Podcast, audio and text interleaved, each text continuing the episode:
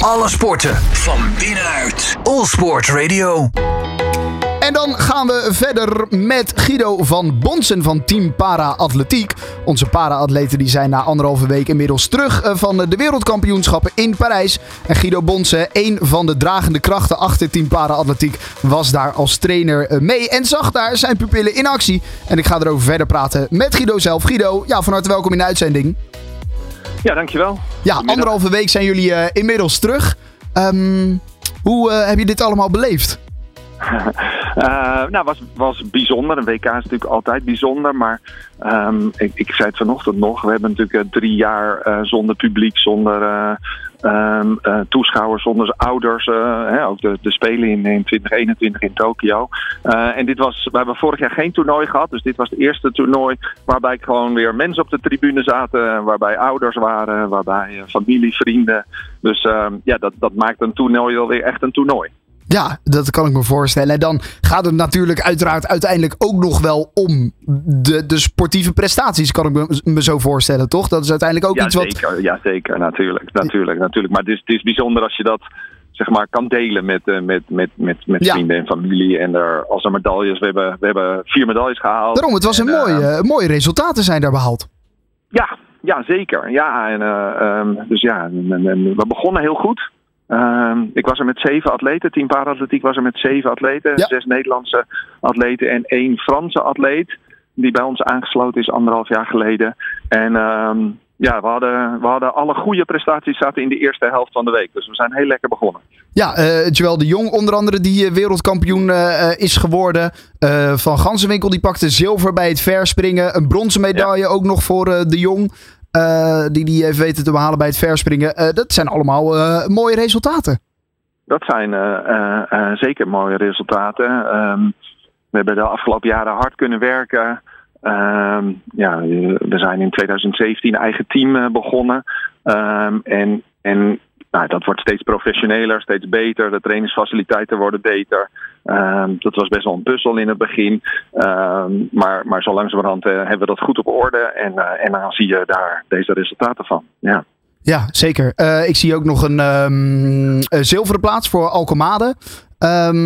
Die die een zilveren medaille die is binnengehaald. Wat, wat was voor jou het, het hoogtepunt misschien wel tijdens deze...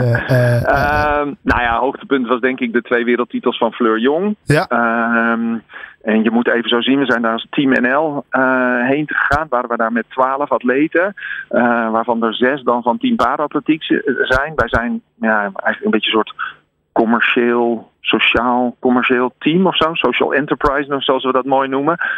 Een beetje vergelijkbaar alsof Team NL naar eh, de winterspelen gaat en de schaatsers van Jumbo-Visma daar onderdeel van uitmaken. Nou, zo moet je ons ook een beetje zien. Dus wij waren met zes, zes atleten daar. Ehm, en, ehm, ehm, en, en wij hebben vier medailles gehaald en Nederland in totaal acht. En, en, en vier daarvan waren dus van ons. Dus hoogtepunten waren de wereldtitels, denk ik, zeker van Fleur Jong. Voor mij persoonlijk, eh, wat ik zei, ik heb ook een Franse atleet die ik train. En dat was natuurlijk in Parijs. ja, En die, eh, die jongen die, eh, die won een bronzen medaille met verspringen. Terwijl hij in de andere jaren eigenlijk altijd eh, achtste werd in de finale. Om het even zo te zeggen. Dus eh, ja, die Fransen werden natuurlijk helemaal gek. Dus dat was vooral een heel mooi avontuur samen eh, daar in Parijs. ja, dan zie je toch ook wat voor een resultaat je kan boeken als je heel lang en intensief met iemand aan het trainen bent. Ja, ja en, dat is een, en hij is spastisch. Hij heeft een, een, een, een, een hersenaandoening of afwijking. Ehm, en dat is altijd best wel even een puzzel.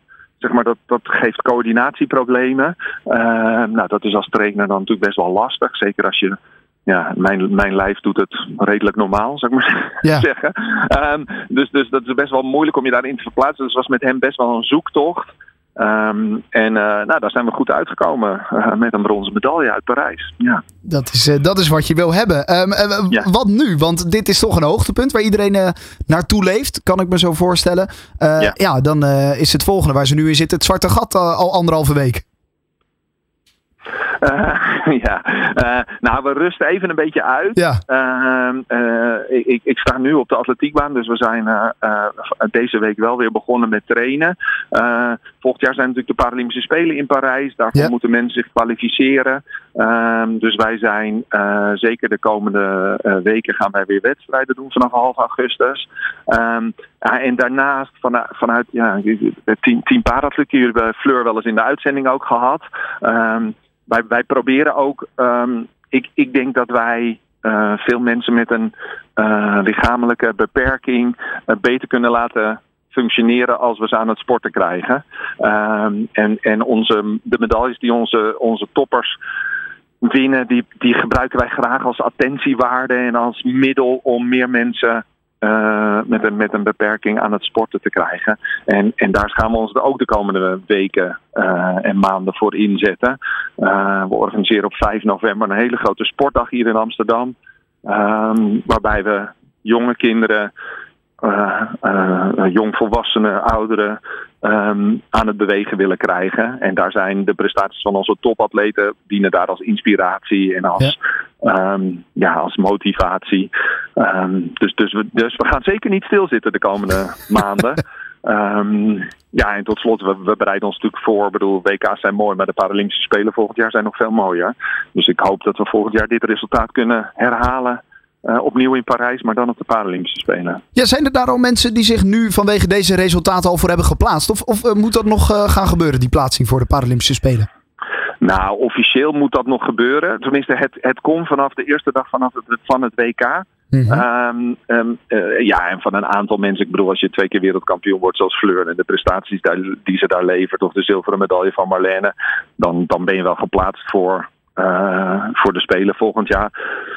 Alhoewel dat nog niet officieel is. Nee, dat, zeggen, dat, dat, dat, dat, dat, dat zal in de komende maanden zal dat officieel worden. Uh, maar daar heb ik, daar, daar heb ik niet, uh, niet heel veel twijfel over. Maar ik had ook bijvoorbeeld twee dames, Nienke en, en Fleur Schouten, die, uh, die zevende werden. Ja, die moeten echt nog wel even een stap maken om ook volgend jaar erbij te zijn. Nou, dan uh, is er nog uh, genoeg om voor te knokken de komende tijd. En laten we hopen dat, het dan, dat er zoveel mogelijk van jullie ook weer naar die Paralympische Spelen gaan. En dat ook daar weer ja. mooie medailles mee naar huis mogen genomen worden. Guido Bonsen van Team Para Atletiek, dankjewel voor je tijd. En nogmaals, succes dan de komende tijd ook weer. Alle sporten van binnenuit. All Sport Radio.